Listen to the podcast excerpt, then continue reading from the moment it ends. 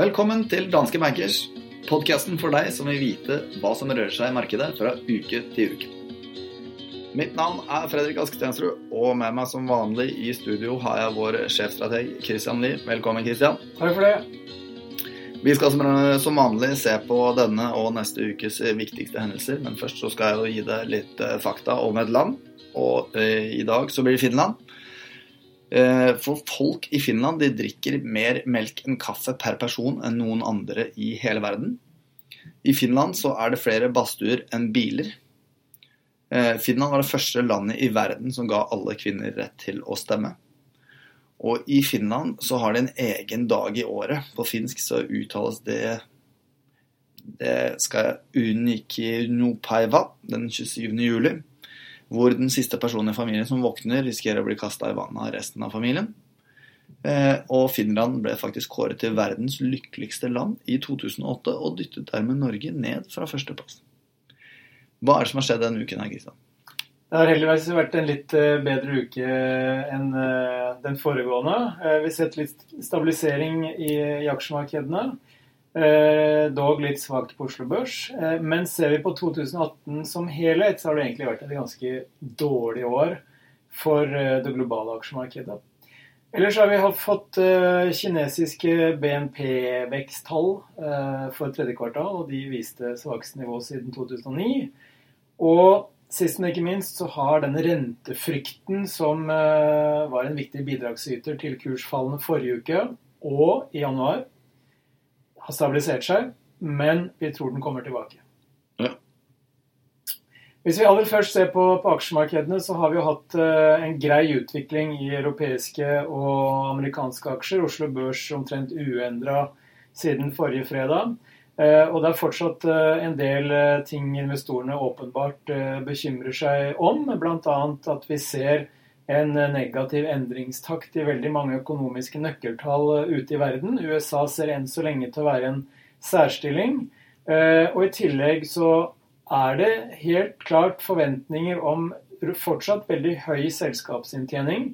Men man ser at eh, analytikerne i større grad nå har begynt å nedjustere enn det de oppjusterer Eh, inntjeningsforventningene sine. Og Når du da sier USA i en særstilling, så mener du at eh, situasjonen ser noe bedre ut der? ikke sant? enn sammenlignet Ja, USA har jo vært i en særstilling i hele år, egentlig. Mm. Og selv om det er tegn til eh, noe guffenhet i, i boligmarkedet, med tanke på at boliglånsrenten har steget og det er blitt dyrere for amerikanere å kjøpe bolig fordi prisen har steget mer enn lønningene, mm.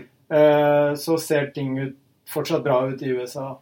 Eh, men vi tror det er midlertidig. Vi tror amerikansk økonomi kommer til å svekkes. Men det ser vi ikke det helt store tegnet til, til ennå, riktignok. Men bortsett fra det, så har det jo egentlig vært eh, og, og dette er jo noe av det som har vært med på å drive en litt svak utvikling i det globale aksjemarkedet i år. Eh, kinesiske aksjer er jo ned over 30% siden toppen i januar. Vi har emerging markets ned 13-14% målt i dollar så langt i år. Og også europeiske aksjer er, er ned på året. Eh, og også globale aksjer er eh, ned på året. Så det er helt klart at selv om USA på en måte har vært i, i førersetet, og amerikanske aksjer fortsatt er litt opp, 5-6% så har det vært et uh, trøblete år å være investor. Og legg også på en sterkere norsk krone, så gjør jo det vondt eh, bitte litt verre for oss nordmenn, i og med at da faller jo eh, verdien av utenlandske aksjefond målt i, i norske kroner når krona styrker seg. Ville vi hatt den samme feelingen hvis vi hadde hatt denne diskusjonen i slutten av juni?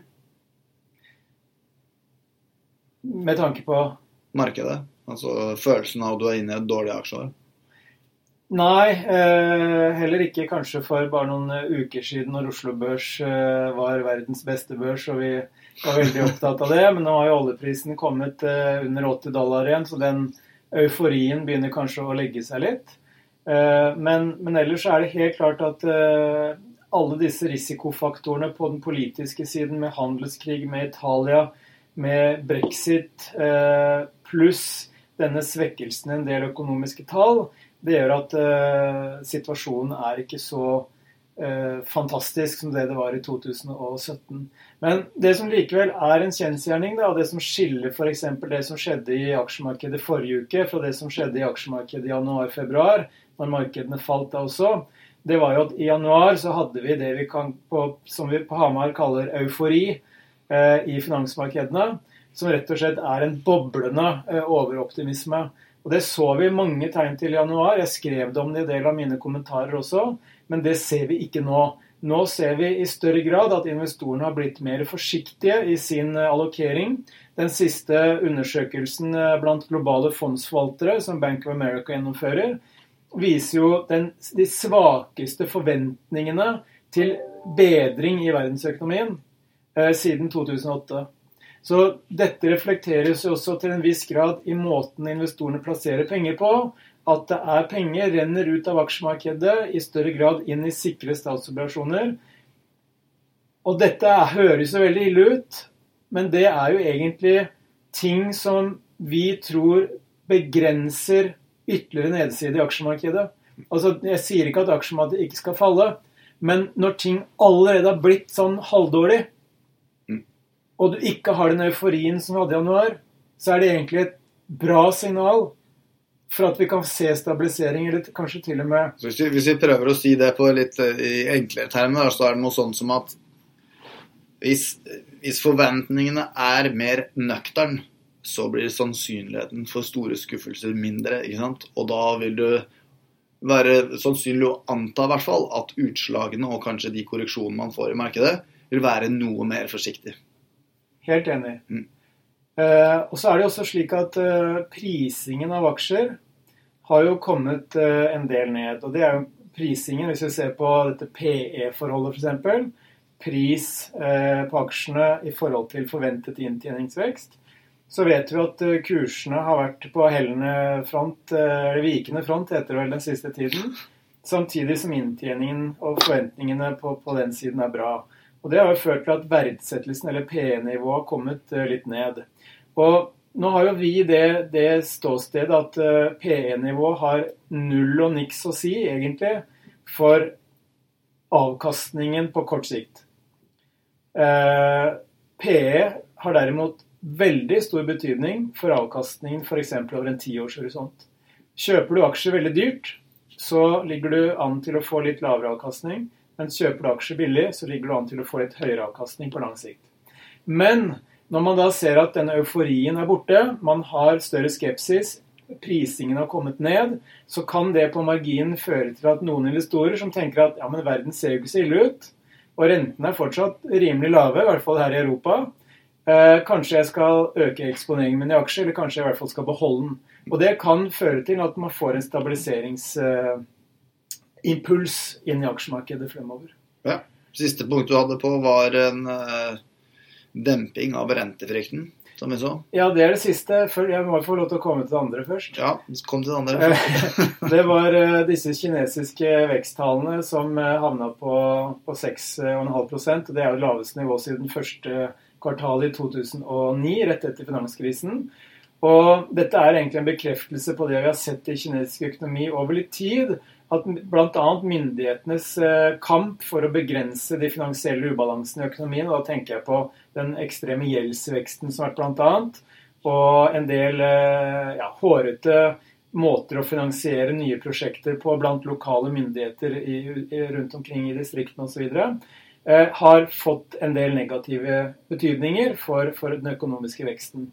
Og legg på i tillegg det som skjer rundt handelskrigen, som også påvirker stemningen blant bedrifter og husholdninger negativt. Men det som er positivt, det er jo at selv om det er 6,5% og det er det laveste vekstnivået siden 2009, så er det jo faktisk det målet myndighetene har for 2018 som en helhet. Så hvis de klarer å opprettholde dette her med de stimulansene som de igangsetter nå, så er det grunn til å, å tro at dette vil bli en, en såkalt myk landing for kinesisk økonomi, og det er viktig for verdensøkonomien. Det siste, når det gjelder eh, denne rentefrykten, så så vi jo både i januar og nå forrige uke at uh, kraftig hopp i amerikanske markedsrenter, det trives aksjemarkedet ganske dårlig med. Uh, vårt syn, og det har vi også skrevet om tidligere, det er jo at aksjemarkedet håndterer renteoppgang så lenge den ikke skjer uventet og brått. Fremover så tror vi at renten, og da tenker jeg på den amerikanske tiårige statsrenten, som er verdens viktigste rente, den er helt utrolig fascinerende, den kommer til å stige fra dagens nivå på rundt 3,17% til 3,5% vi tror likevel at det kommer til å skje i et litt mer gradvis og moderat eh, tempo. Og så lenge det skjer eh, sammen med at amerikansk økonomi holder koken rimelig bra, så tror ikke vi nødvendigvis det er negativt for aksjemarkedet. Men når, man da tror, når vi tror at renten skal opp fra 3,17 til 3,5, så vil vi jo kunne få perioder hvor renten stiger mer enn det markedet liker. Og det vil være én av flere faktorer som kan bidra til at vi får flere eh, turbulente eh, dager i, i, markedene fremover. Ja. Hva er det som skjer neste uke? På, det kommer ganske mange tall neste uke som kan påvirke markedet. Men hvis jeg skal trekke frem tre, så vil jeg trekke frem eh, oppdaterte vekstindikatorer fra eurosonen. Det kom på onsdag klokka ti. Og grunnen til at dette er så viktig nå, det er jo at vi har sett en ganske markant Eh, svekkelse i momentet i den europeiske økonomien, og også da i eurosonen. Eh, og det vi ser nå rundt brexit, det vi ser rundt Italia, dersom det fortsetter å svekke stemningen og svekke forventningene, og ikke ta med handelskrigen også, så kan det være at eh, man begynner å, frykte litt for global økonomi, rett og slett. På onsdag så får vi omsetning av nye boliger i USA. Vi får flere boligtall neste uke fra USA. Og Grunnen til at den er interessant nå, det er at vi har sett en helt klar svekkelse i det amerikanske boligmarkedet. Eh, presses av, eh, som jeg nevnte, eh, høyere prisvekst på boligene enn det man har hatt lønnsvekst, slik at kjøpekraften svekkes. Eh, og I tillegg så har man sett eh, at eh, renten på nye boliglån stiger. Og man rett og slett ser at ja, aktiviteten i boligmarkedet er på vei ned, og det har straffet de amerikanske boligbyggerne, de børsnoterte boligbyggerne, ganske kraftig. Fredag så får vi BNP-veksttall fra USA. Eh, der forventes det at veksttakten eh, vil falle fra 4,2% i andre kvartal til 3,3% i tredje.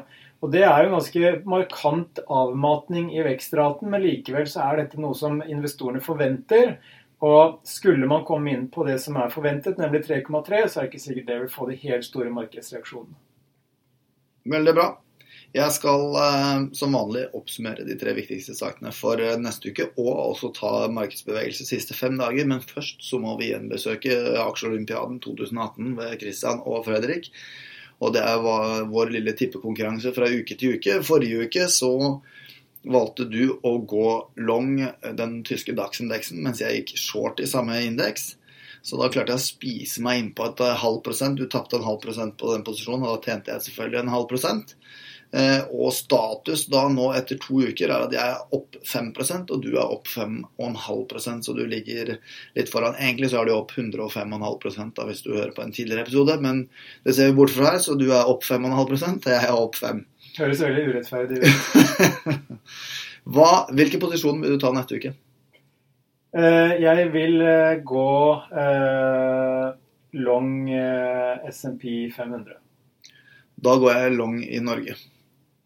ok, jeg skal oppsummere de tre viktigste sakene for neste uke. Men først markedsbevegelse siste fem dager. Da har vi Oslo Børs. Den er flat. SMP 500 opp 1,5% Eurostock 600 flatt eller opp 0,2 og oljeprisen ned 1 De viktigste sakene som vi har neste uke, det er PMI fra eurosonen på onsdag klokka ti. Så får vi eh, nye boliger fra USA på onsdag klokka fire. Og så får BNP-vekst fra USA på fredag klokken halv tre. Det var alt vi hadde i denne episoden av Bankers. Vi høres.